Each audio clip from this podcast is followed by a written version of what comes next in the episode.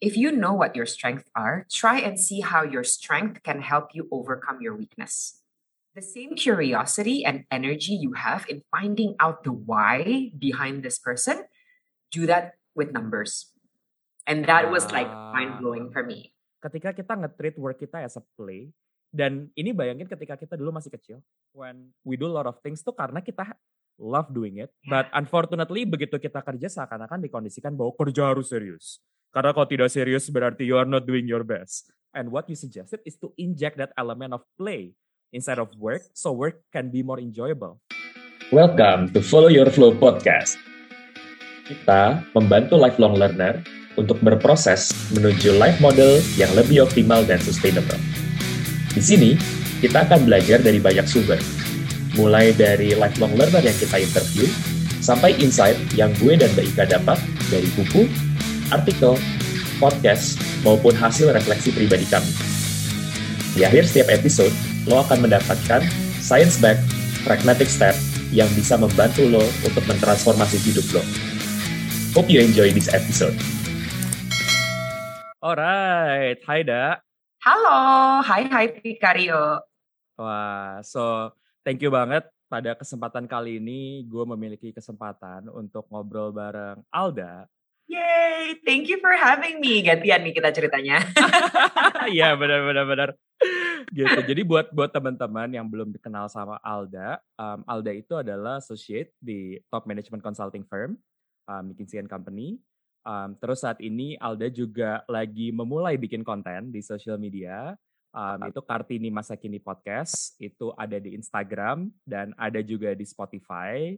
Um, isinya primarily tentang women empowerment jadi kalau misalnya teman-teman tertarik, nanti gue akan kasih linknya juga buat ngunjungin kayak profilnya Alda. Gue kenal Alda mungkin berarti kurang lebih kayak enam tahun yang lalu, right? Iya, yeah, I think so. Iya, yeah, waktu itu uh, kita teman sekantor gitu kan. Dan kita mungkin waktu itu nggak pernah kerja bareng. Tapi no. we bump into each other uh, for so many times. Mungkin karena satu kantornya kecil gitu kan. Dan kayaknya gue dan Alda itu tipe orang yang suka berinteraksi dengan orang lain gitu. Jadinya kayak extroverted people problems ya. exactly, exactly gitu. And as time goes by, kayak one thing yang super konsisten tentang Alda adalah setiap kali gue ngobrol sama Alda, gue selalu dapat positive vibe gitu. No matter what content we are talking about. Sometimes it's about work, sometimes it's about kayak other things outside of work, kayak romantic relationship, or even kayak uh, waktu waktu gue di interview juga di podcastnya Alda. So it's always a good time with Alda. So that thank you banget for taking your time to sama-sama you know, Picario. It's always a super nice vibe with you. Like I was gonna say the same thing. So makasih banget udah having me here. I'm excited for yeah. our obrolan today. Yeah, yeah. So mungkin gini dah. Tadi kan gue udah ngenalin lo lebih dari kayak hal yang maybe publicly available. It's on LinkedIn, it's on Instagram, right? Maybe you can tell us a bit about yourself, um, about your childhood gitu. Childhood mungkin kayak dari lo kecil sampai ya kuliah gitu ya, yang not many people know about. Oh, got it. Okay, that's a very interesting question. Jarang juga ditanya kayak gitu. Yang not many people know about would probably be the fact that gue spend. By the way, ini gue lo nggak apa-apa, or aku kamu. Oh, gak apa-apa banget. Gak, gue, apa banget gue ya. aja. Ini jaksel, okay. jaksel. Jaksel, Jaksel. Got it. Okay, so mungkin uh, fakta about my childhood is the fact that gue spend most of my childhood di Myanmar, of all places in the world. Uh, banyak yang nanya, hah kok bisa sampai Myanmar gitu kan. So the cerita adalah my father used to work for a French oil company gitu kan. So actually I was born in France. My first ever language yang my dad taught me was actually French. Tapi we lived there for only like one two years, and then kita semua pindah ke Myanmar. And then I lived there for about eight to nine years plus, or something like that. So it was like France. Uh, actually sempat ke Indonesia dulu, sebentar mampir ke Balikpapan. That's where my brother was born. And then I spent the most of my childhood di Myanmar. Um, and then I only came to Indonesia itu pas SD kelas 6 gitu.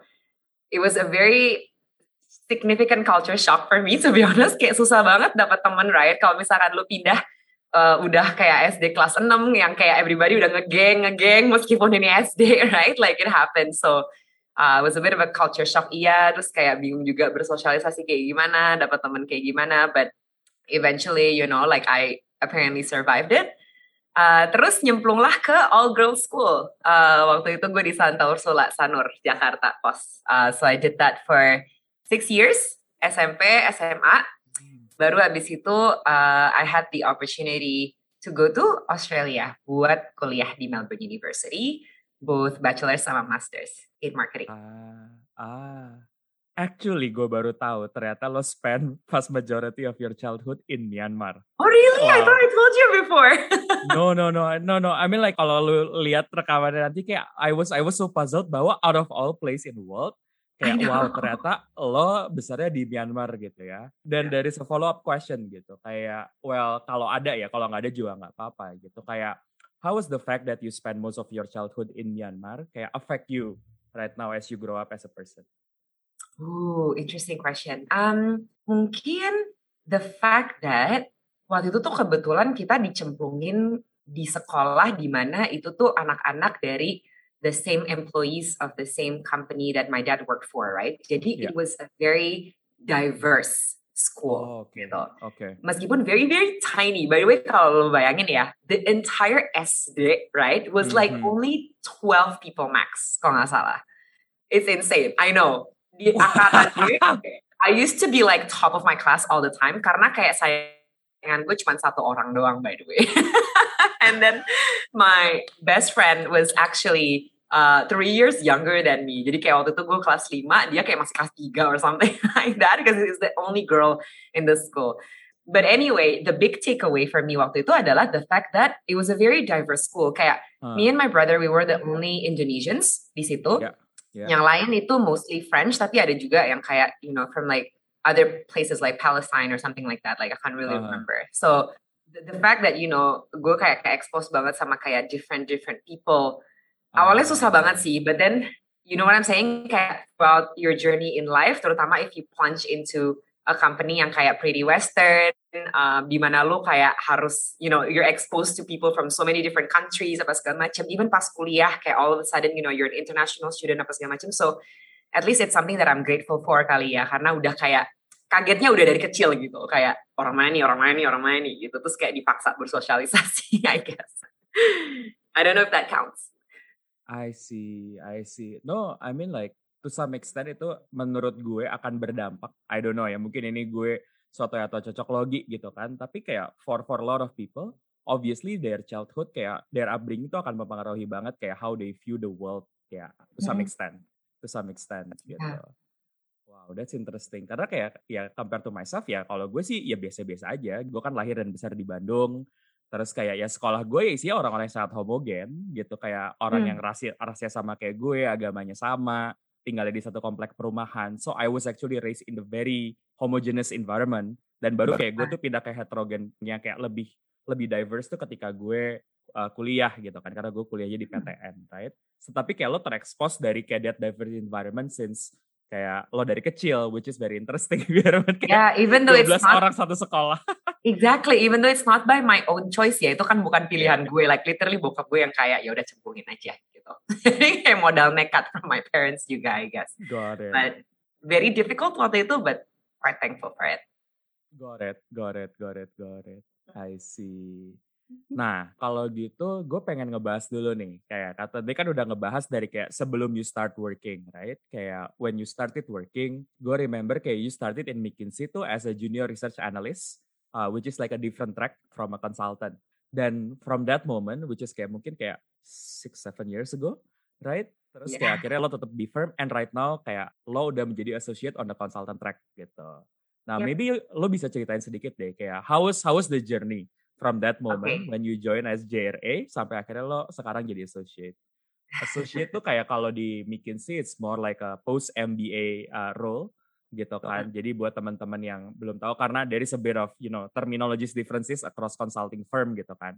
Karena kalau kayak di BCG um, associate itu kayak sebelum MBA, tapi kalau di McKinsey it's typically a role post MBA. Just for context for our listeners gitu. Nah, silahkan ya. Mungkin sebelum nyampe ke JRA, um, would like to step back a bit kali ya dan kayak ceritain sedikit juga you know nyampe ke JRE-nya seperti apa is that yes. okay? Yes. Ya, yeah, so mungkin kayak banyak juga sih yang nggak tahu, but actually the first position itu tuh sebenarnya I always applied itu uh, business analyst gitu kan. So pertama kali banget kayak ada recruiting ke Melbourne Uni dan sebagainya, sebenarnya gue apply-nya ke uh, business analyst role kayak gitu. Jadi udah uh, you know I went through what a lot of people went through juga gitu kan belajar mati-matian for like the written test terus kayak ronde 1 2 3 uh, puji Tuhan banget kayak lolos uh, all of the rounds kecuali ronde terakhir. So actually the first time I tried to apply itu aku di reject intinya kayak gitu, right? So they said at the time, oh kita belum siap nih untuk offer kamu posisi business analyst, tetapi for the first time di uh, cabang Indonesia ini kita mau bentuk tim research, research nih gitu kan kita mau bentuk tim oh. research nih And then they asked me, would you be interested gitu kan? And then I said, di saat itu for some reason gue pikir oh ya udah cuman kayak di switch doang posisinya. So I'm like of course gitu kan. Like nggak taunya mesti interview lagi dari awal.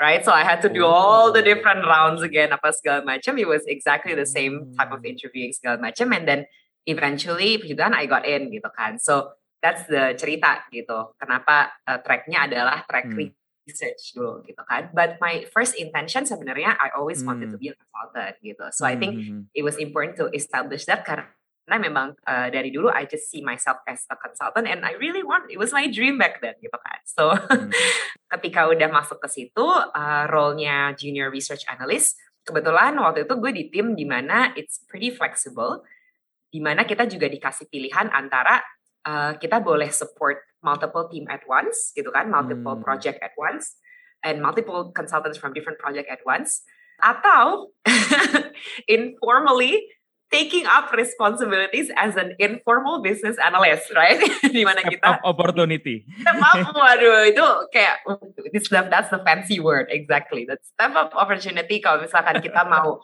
you know, orangnya tipenya yang nyari sakit gitu kan, kayak um, menyemplungkan diri ke ya udah, you know, kayak I'm happy to help you out in a project. Dan waktu itu what's quite interesting and memorable for me adalah uh, gimana caranya dari kayak BAU responsibilities as a researcher tiba-tiba kecemplung di being you know an informal business analyst.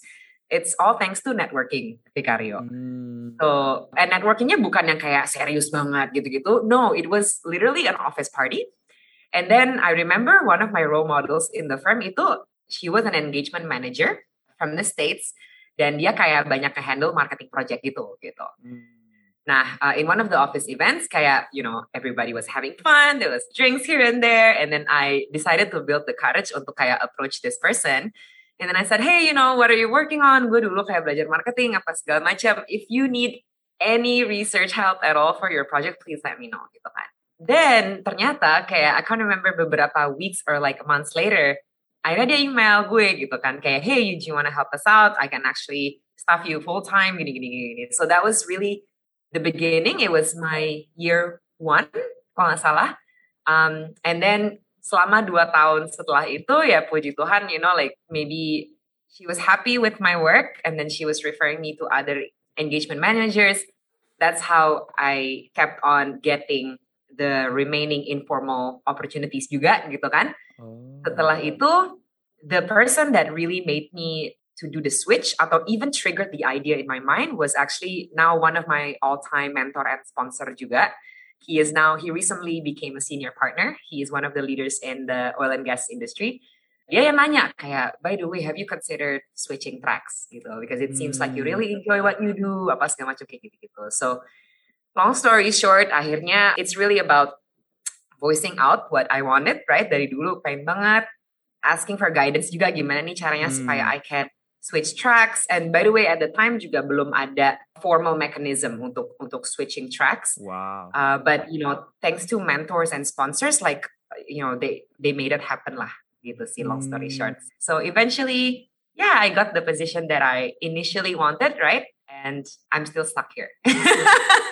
so Gak tahu nih ke depannya bakal kayak gimana, but at least I'm still here now. wow, wow, wow. Da, thank you banget for sharing that story.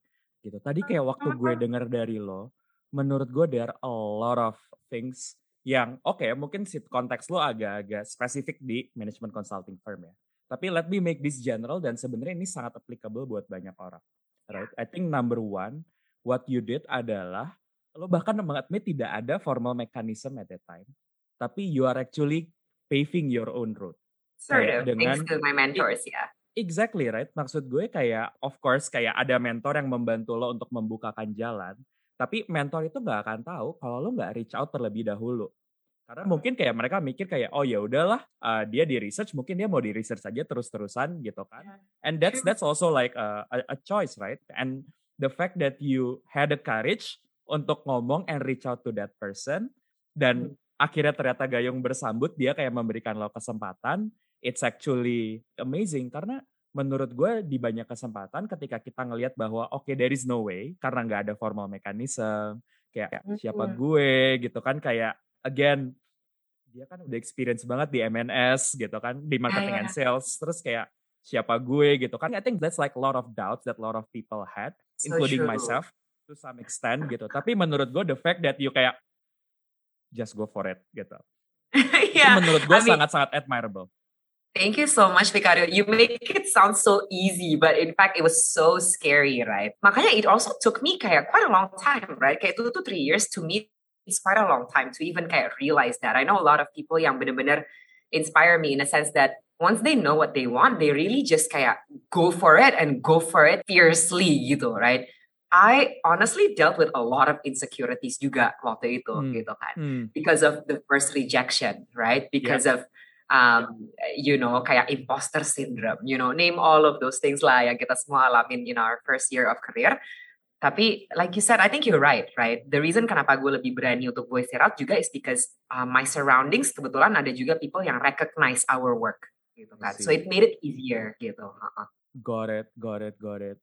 And to add to that, that, what are some of your tips untuk orang yang mungkin on the fence karena mereka sudah menemukan nih siapa role model mereka dan kayak they already know but they just need a bit of didorong sedikit gitu loh. Kayak what would be your tips to people who are on that situation? Number one, step zero mungkin ini ya, stay true to yourself gitu. Yang pertama, kayak try and gali what is it that you want, even though it's not very clear, tapi at least kayak hmm. dengerin kata hati gitu. Dan hmm. bener-bener dengerin kata hati dan gak dengerin kata-kata orang or what you think would be cool di mata orang-orang. Could be that something yang super mainstream is like it looks, you know, cool apa segala macam, tapi it could be different with your kata hati. So Number one is know what you want. Number hmm. two, like you said, Vicario, it's more on finding a role model or someone yang share similar interest gitu. Hmm. Yang mungkin journey-nya tuh inspire you, someone yang you aspire to be gitu kan. Dan tip nomor tiga mungkin yang paling susah ya, at least it was paling susah for me, is have the courage to just reach out aja and like hmm.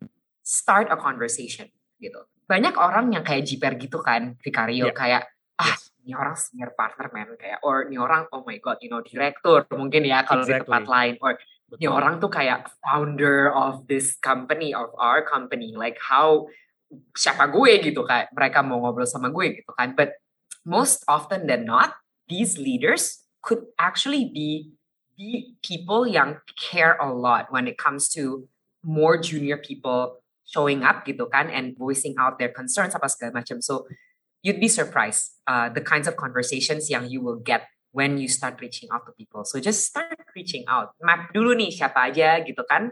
Do a bit of a stakeholder mapping mulai dari uh, colleagues yang your first degree colleagues, the people you work with hmm. atau friends of friends gitu kan. And just start reaching out. You'll be inspired yeah. beneran. Wow, wow, wow, wow. Thank you banget, dah. Thank you banget for sharing that. Karena kayak recently gue sadar juga bahwa I think a lot of ambitious people, they don't have problem with grit. Karena begitu ada jalannya, they just gonna kayak just push through dan maju terus gitu kan. Sometimes kayak ada challenge adalah menemukan jalannya atau kayak jalan mana nih yang harus gue pilih dan kayak memulai untuk masuk ke sana. Gitu. So I think yeah. you combine those two things. Karena kalau gue dengar dari penjelasan lo kan kayak you work hard to be accepted uh, dan waktu-waktu lo apply pertama kali juga gitu kan. So I assume bahwa sebenarnya kayak grittiness is already something yang mungkin comes kayak quite natural to you, ya kan? Tapi kayak grittiness tanpa ada juga kayak perpindahan track dan juga you know that moment yang benar-benar pivotal banget to change juga akhirnya bakal stuck di satu tempat aja gitu kan. Yeah, so, I, I like that a lot, Vicario. I? I think it's about the you know the saying of know what you want but be flexible in getting it. Gitu yes. kan. Uh, yes. So itu aja sih. Diingat aja kalau there's something yang kita udah tahu banget kita pengen apa, don't be so harsh on ourselves juga that you know there's only one way to get there. Like no, right? sometimes kayak journeys happen for a reason, right? Siapa tahu misalnya for, for me, right, my biggest reflection adalah mungkin ketika let's say gue keterima saat itu, but actually I'm not really ready skills wise. Maybe like yeah. I won't survive even three months gitu kan, and then I will just kayak quit gitu. So maybe like I don't know, maybe itu something yang kayak untuk menghibur diri gue aja kali ya. you know, everything happens for a reason. But yeah, I to some extent I really believe that's the case. Ya ya ya ya ya ya. And actually I want I want to double click on that dah. Karena kan tadi kayak I think you tell ya the role model bahwa lo available gitu kan dan dia kayak giving you the chance. Yeah. Tapi kayak hipotesis gue transition ini tidak terjadi dengan kayak langsung mulus-mulus aja gitu kan. Kayak gue mengekstrapolate bahwa your role kan sebelumnya lebih kayak internal facing. Now jadi konsultan agak-agak lebih external facing, belum lagi perlu lebih banyak number crunching gitu kan. yeah, totally. Exactly, right? Jadi kayak I believe there might be some adjustments along the way gitu kan. Maybe wanna ask you lebih kayak how was the adjustment? Dan kalau misalnya waktu itu ternyata it's, it was difficult, kayak what made you persevere? Ooh, okay. So the adjustments that I had to make. Okay, I'm gonna be very real with everyone here, right? ketika kita sebagai junior consultant, like you said, it's pretty data heavy, right? What I realized adalah yang di require sebagai skill untuk kayak junior consultant was not my strength at all. I am not a data person, people. Like far from it. Pas SMA, gue bahkan mesti naik banding. I actually was IPS gitu kan. Uh. And itu itu pun kayak naik banding. I was actually supposed to like uh, masuk bahasa because I'm more of a creative person. So that's just how far I am from like anything related to data. Okay, like ketika remet fisika itu kayak oh my goodness, kayak gue apa, like it's insane. So itu huge shock for me, right? The fact that I mean, of course, you cannot shy away, you cannot run away from hadapin all of these data that you have to deal with. Uh, benar-benar uh, generating insights from that apa segala macam kayak gitu-gitu. It's just not natural for me. For me, gue tuh lebih ke orang yang kayak I think you would know juga like you know I'm more of a people person. I love communication apa segala macam gitu-gitu. So the first year was very hard for me because gue jadi makin insecure to be honest. And I'm not gonna lie to you. Kayak I used to be the kind of person yang compare myself to other people a lot. Apalagi ngelihat kayak you know all the BAs and the associates yang kayak udah doing their own thing padahal mereka pun kayak gak master gak anything right it's so hard. Like, you know, you get these thoughts in your head every day, and then you start imposter syndrome kicks in. Okay, oh my gosh, you know, was I doing this by luck or not? You know, so I had to deal with all of those thoughts. Kayak, you know, but like you said, Ficario, I think if you really know what is it that you want, then ketika kita punya grit, it becomes a bit easier. Dalam arti, hmm. kalau kita memberanikan diri untuk shut out all of those thoughts yang tidak konstruktif, right? mm. and just stay true to who you are. The fact that, you know, start accepting who you are truly and be your most authentic self. What. I mean by that mm. adalah gini, understand where your strengths are, right? Mm. Understand where your weaknesses are. Nah, and then try and number one, overcome those weaknesses to kayak gimana. If you're mm. someone who really wants to achieve something, for sure you kalian tuh pasti pengen learn about that thing, right? Pengen learn to be better at your weaknesses. So naturally what you want to do is ask a more senior person to teach you even if it comes to a simple excel formula yeah. right and then yeah. walk your way up from there um, yeah. even when it comes to like there's like this really complicated chart and then you have no idea what it means right um, at least start with your view first and then kayak reiterate it with someone else intinya kayak have the spirit of learning and wanting to get better like be bold in that itu untuk overcome your weaknesses right mm. but gue mau share tip yang it's a tip that I will remember for life and this was given by my all-time mentor juga Filia Wibowo uh, which is hmm. the managing partner of McKinsey Indonesia ya. Hmm. She said to me, if you know what your strengths are, try and see how your strength can help you overcome your weakness. Right? Hmm. In my case, hmm. my strength adalah really understanding the most underlying deep mindset in people. Right? Kayak asking multiple layers of why, why, why, why, why.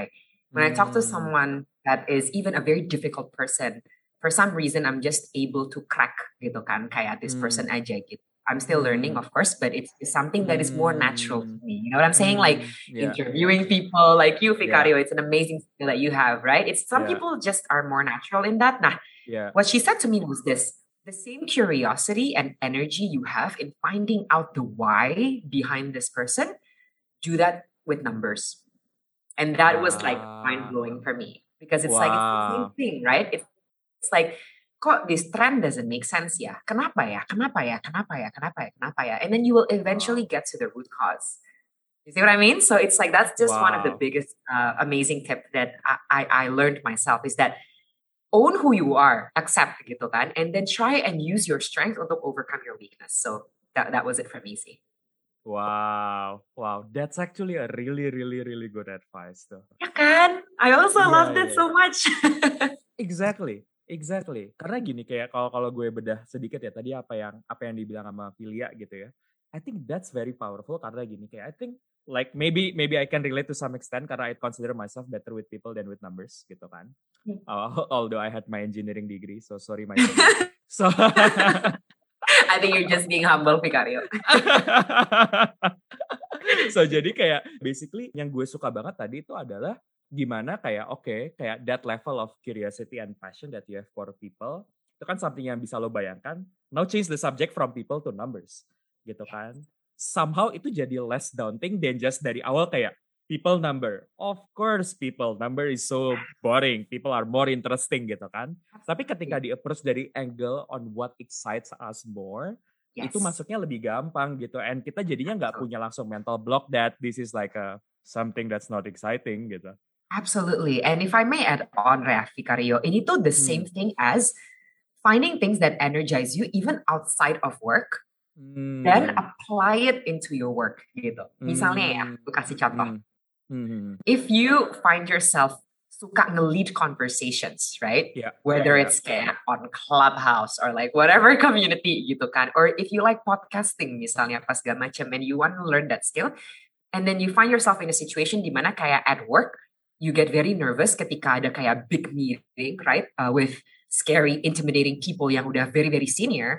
Well, you know, imagine yourself as moderating a clubhouse session aja gitu kan. like literally because you have to naturally be curious, right? And uh, insights dari these different people apa segala macam. To me, that also helped me. Gitu. It's kind of weird as a tip, right? Like treat your meetings like a clubhouse session. but it really helps honestly Vicario. Apalagi ketika gue nervous banget gitu kan. But I just treat people as kayak ya udah, you know, these people are interesting aja and then just do it with your heart. It makes a difference. Halo teman-teman, apakah lo sedang berada di dalam situasi ini? situasi di mana lo merasakan krisis, stuck, loss, baik secara karir maupun kehidupan, atau lagi bingung memilih di antara beberapa pilihan. Bisa jadi, mungkin juga lo sedang mengalami kesulitan untuk membangun habit yang sustainable. Nah, kita pengen bantu lo melalui course gratis yang namanya Setting Up Your Minimum Viable Priorities. Di course ini, lo akan belajar tiga hal. Pertama, melihat hidup lo secara lebih holistik. Karena you are not your work, and there is more to life than just work. Kedua, menentukan prioritas jangka pendek, menengah, dan panjang. Ketiga, menentukan langkah konkret untuk membuat prioritas lo selangkah lebih dekat menjadi kenyataan. Di course ini, lo akan mendapatkan video berdurasi 45 menit yang bisa lo tonton kapan aja dan di mana aja dan lo akan mendapat workbook yang bisa lo pakai untuk mempermudah proses refleksi lo. Semua ini gratis.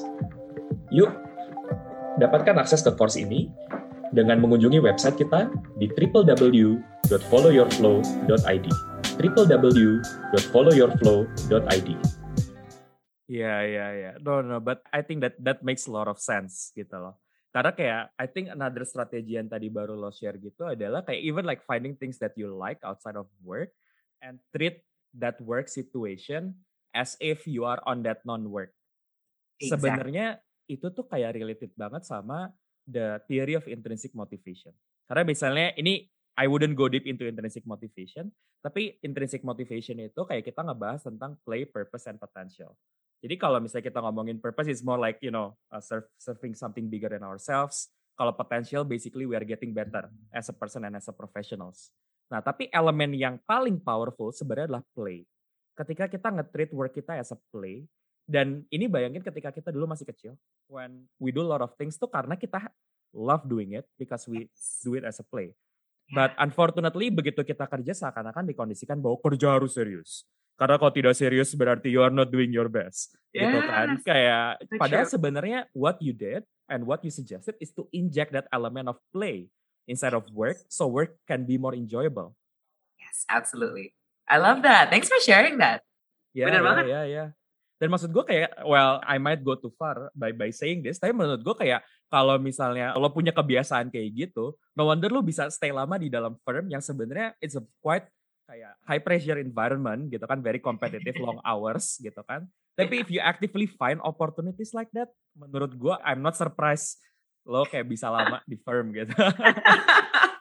Ah, okay, I knew this point was gonna come up, right? I think honestly itu tuh kayak campuran banyak hal sih Vicario. Kayak the fact Yeah. that first of all, I am not a risk taker. Okay. Hmm, hmm. So I applaud all of my friends, including you, yang kayak exited the firm and go and you know into the unknown, unknown, Yeah. um, out of our bubble comfort zone. I really applaud that because to me, there's an element for, of me yang kayak very, I'm not a risk taker, right? But the other point that you mentioned itu bener banget sih, Vicario. I think what keeps me going yaitu finding my moments of energy boosts gitu kan.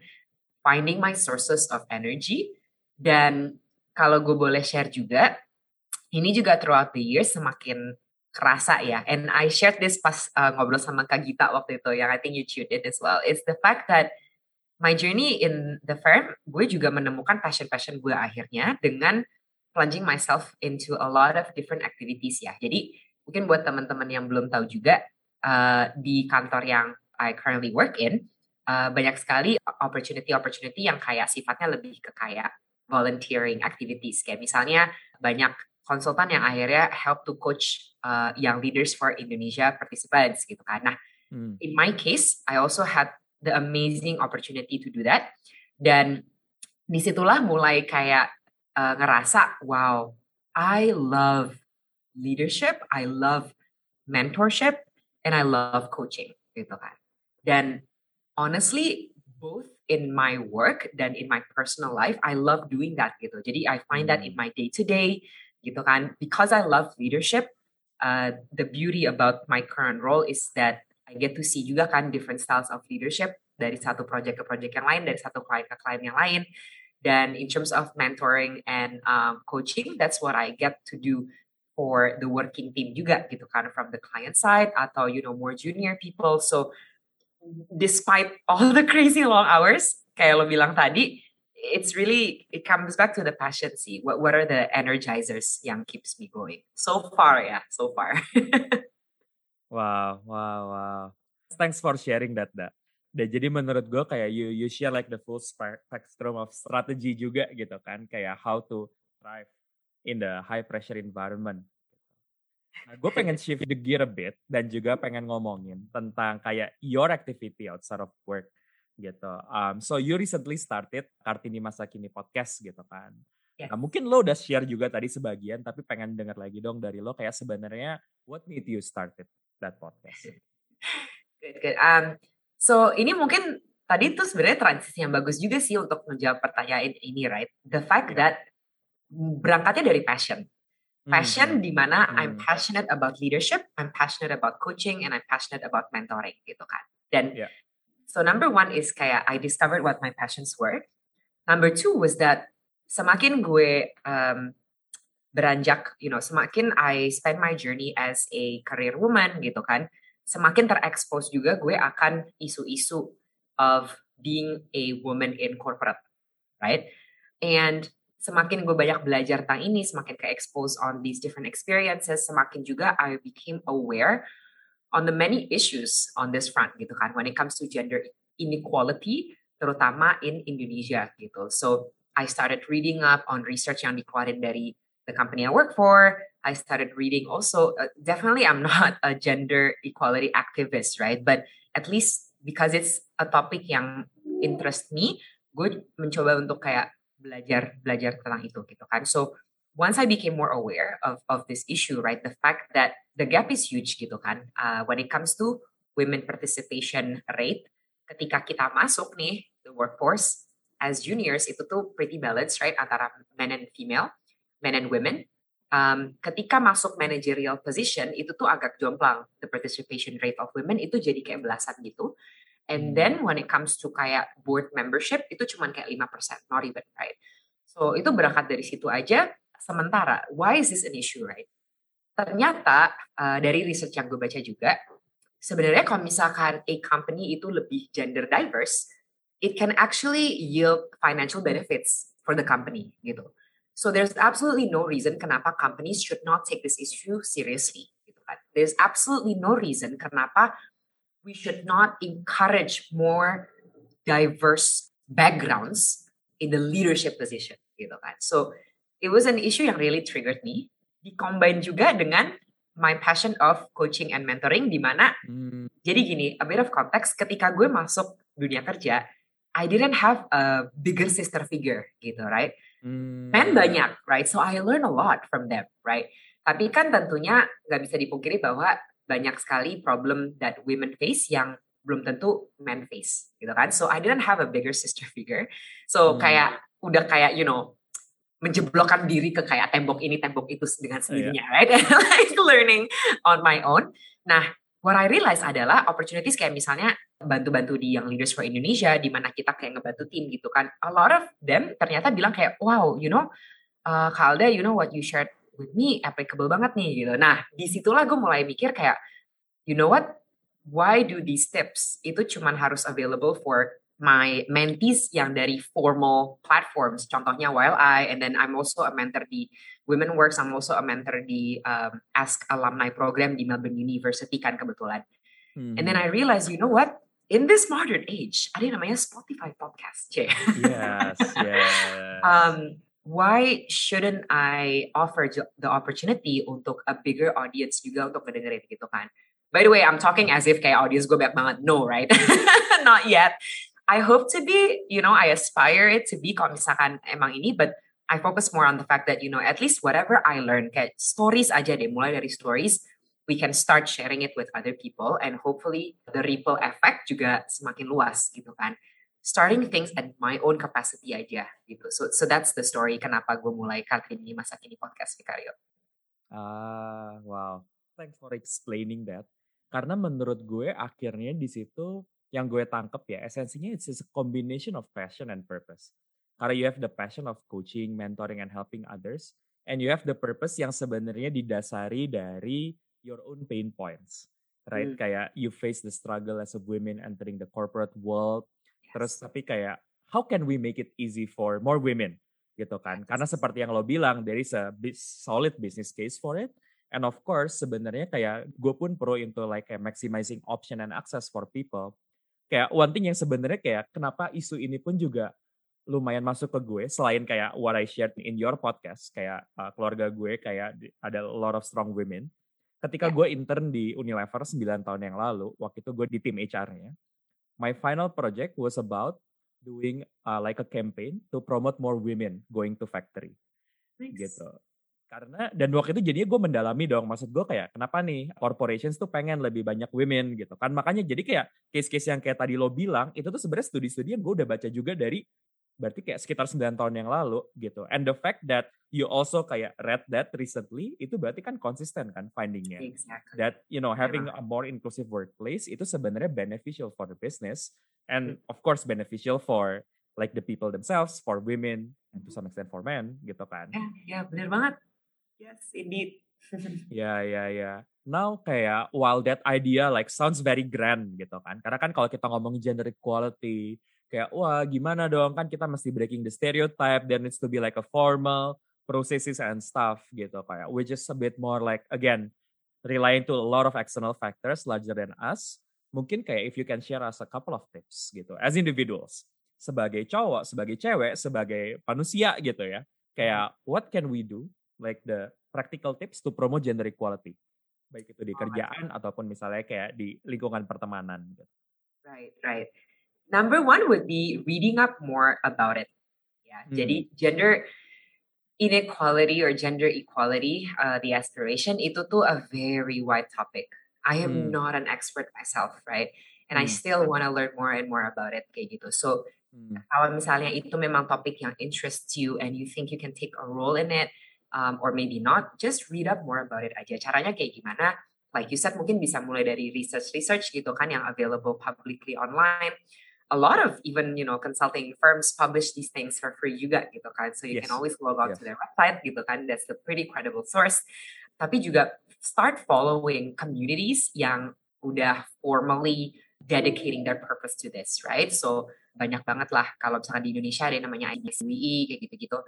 Find what those communities are and literally hit that follow button aja on Instagram, you will find like daily feeds udahan gitu kan, super low effort. Hmm. Um, kemudian try and define what you can already do within your own capacity. Hmm. gitu. A lot of people nanya juga ke gue Vicario kayak, oh you know what Hmm. if I really wanna be part of this women empowerment movement? But like you said, the ideas itu very very grand. Yeah. My personal, I mean, and by the way, to each their own, right? Kalau misalkan you wanna ini contoh ekstrim, if you wanna quit your entire job and then like build a foundation on your own apa segala macam ya by all means, right? No one's gonna stop you and good for you. But ketika kita tidak di posisi where that's possible, well then start within your own capacity. Maksud gue adalah mulai aja dari let's say I'm assuming kita kerja uh, in a corporate gitu kan. Um, reflect aja what you can do there, right? Misalnya start with the problems that you hear around you, right? Kalau misalkan lu lagi you know uh, ngobrol-ngobrol with your friends, right? Um, and then you hear kenapa ya kok di kantor ini belum ada program ini? Eh kita boleh nggak sih kayak gini gitu? Atau as simple as wow, you know that person is super inspiring, you know that female leader gitu. Or or that male leader is extremely active in promoting women gitu kan uh, and opportunities for women. Be very aware of who those people are and know that it doesn't take much untuk magnify their stories loh ke other people. It literally takes one Zoom meeting teman-teman. Ya nggak sih? Kayak and That's that's honestly how it started di the company that I currently work for, right? Jadi Hmm. it literally started that way kayak a group of passionate women yang face a lot of problems gitu kan women in consulting i think a lot of people know it could be a bit difficult and then we also saw women making it to the top right so what we try to do adalah simple as gathering a bunch of people aja kayak informal office hour and then start doing fireside chats misalnya right dimana kayak okay those uh, leaders share very intimate personal stories to your Hmm. company it Hmm. doesn't take much to do that, right? All it takes is this intention, right? And action juga. Pro tip would be try and find people with authority yang can make things happen for you, Ah. right? Jadi kayak misalnya someone yang udah on top and then would sponsor you in these kind of if you want to Hmm. establish your own community, right? Your own Hmm. uh, women community by all means kayak gitu-gitu. So again, it's about pulling the right people in juga and really understand that you cannot do change on your own.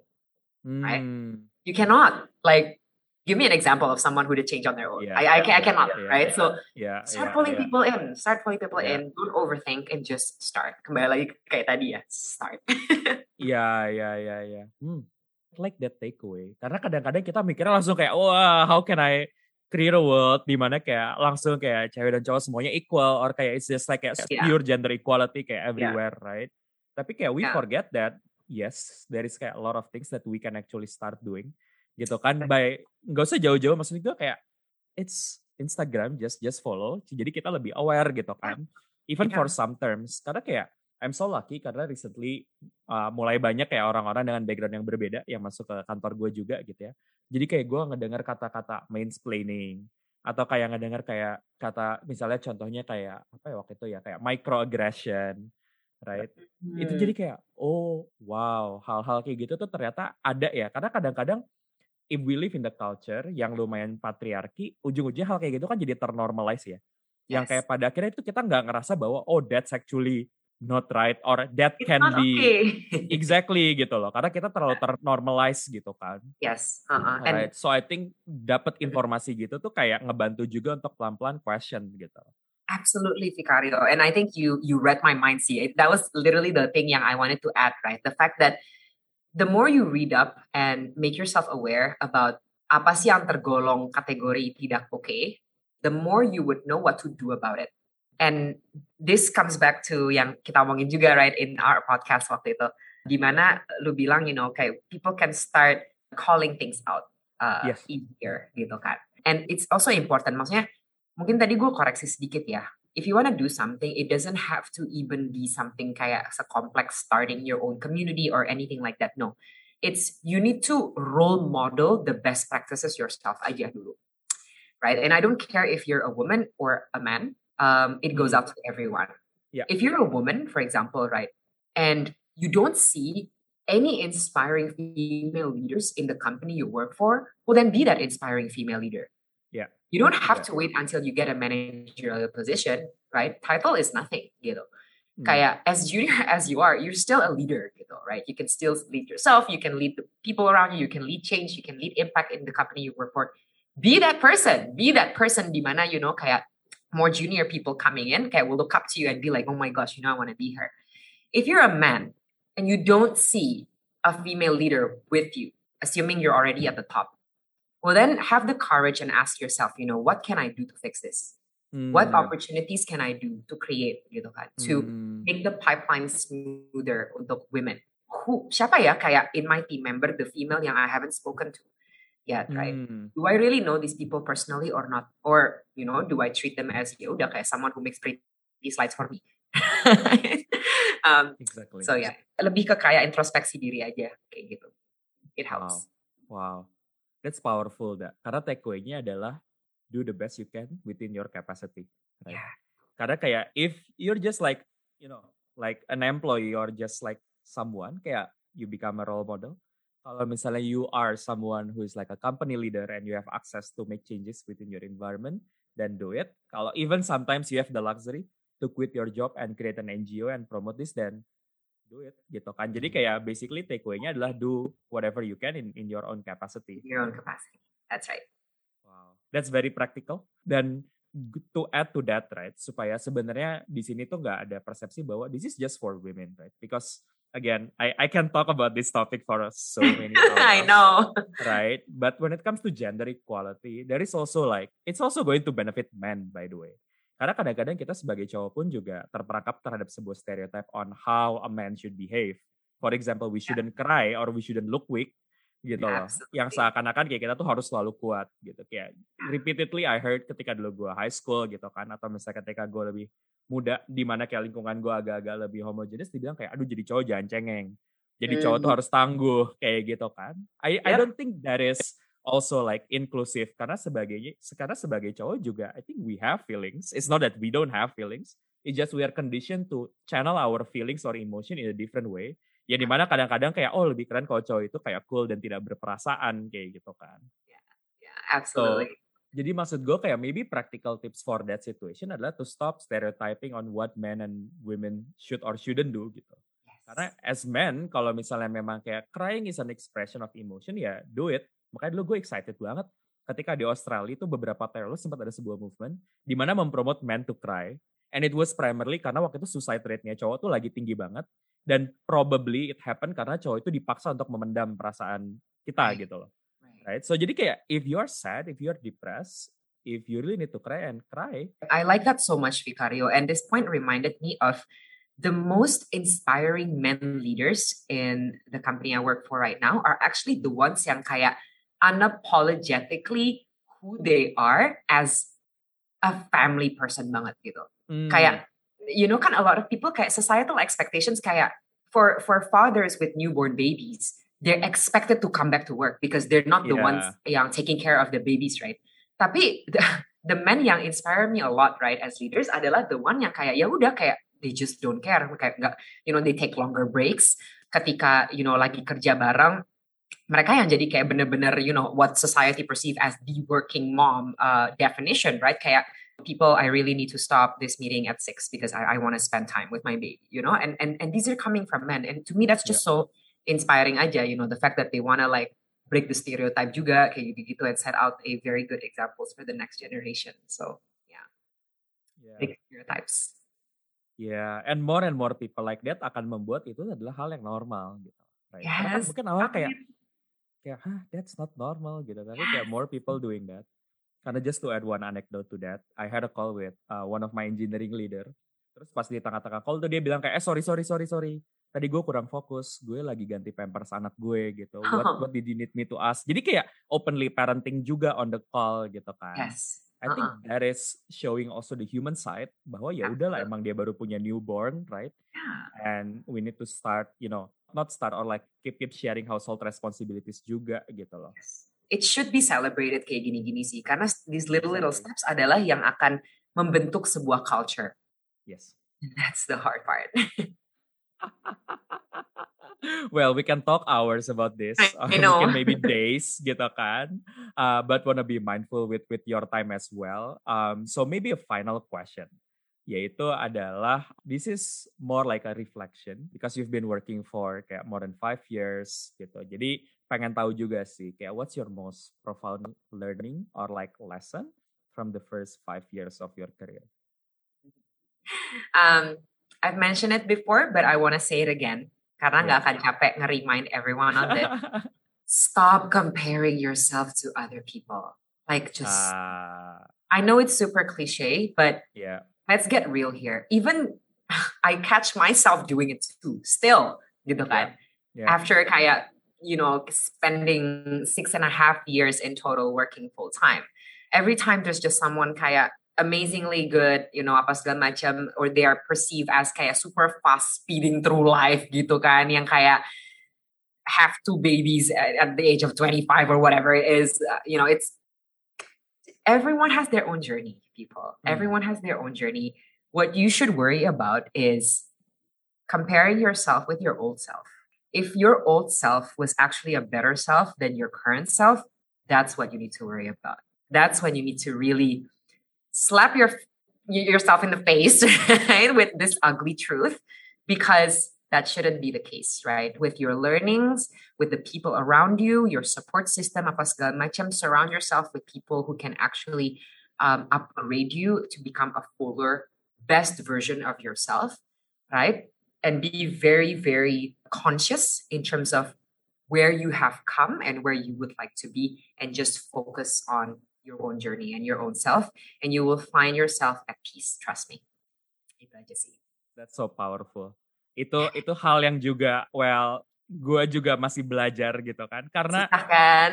uh, I mean like without any doubts it sounds super cliche gitu kan oh, It jangan sounds membandingkan super sama- cliche. super cliche dan kadang-kadang yang bikin trigger itu bukan karena itu klise but because it's so hard to do karena itu require kayak unlearning our past conditioning gitu kan karena again without Yeah. blaming anybody we were raised on like a ranking system. There is someone on top and we just need to chase that person gitu kan. Dan itu terjadi terus-terusan gitu selama kita at least sampai kuliah gitu kan. Kayak ada yang IP tertinggi ada lulusan terbaik right?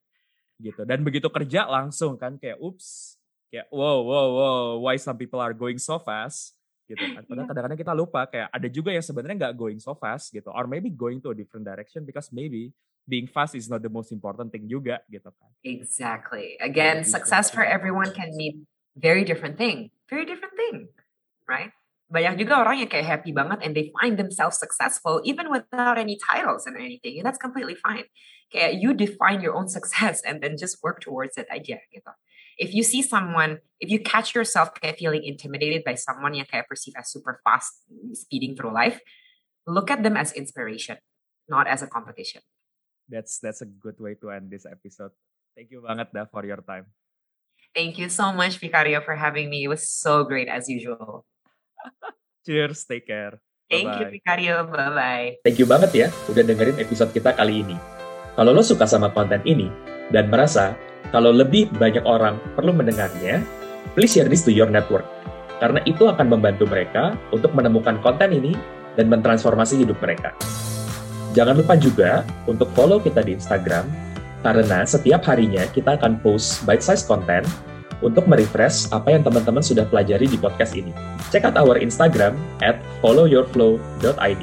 Terakhir, ada free course di website kita, yaitu tentang setting up your minimum viable priority, di mana lo bisa memahami prioritas hidup lo dan cara yang lebih konkret untuk mencapainya.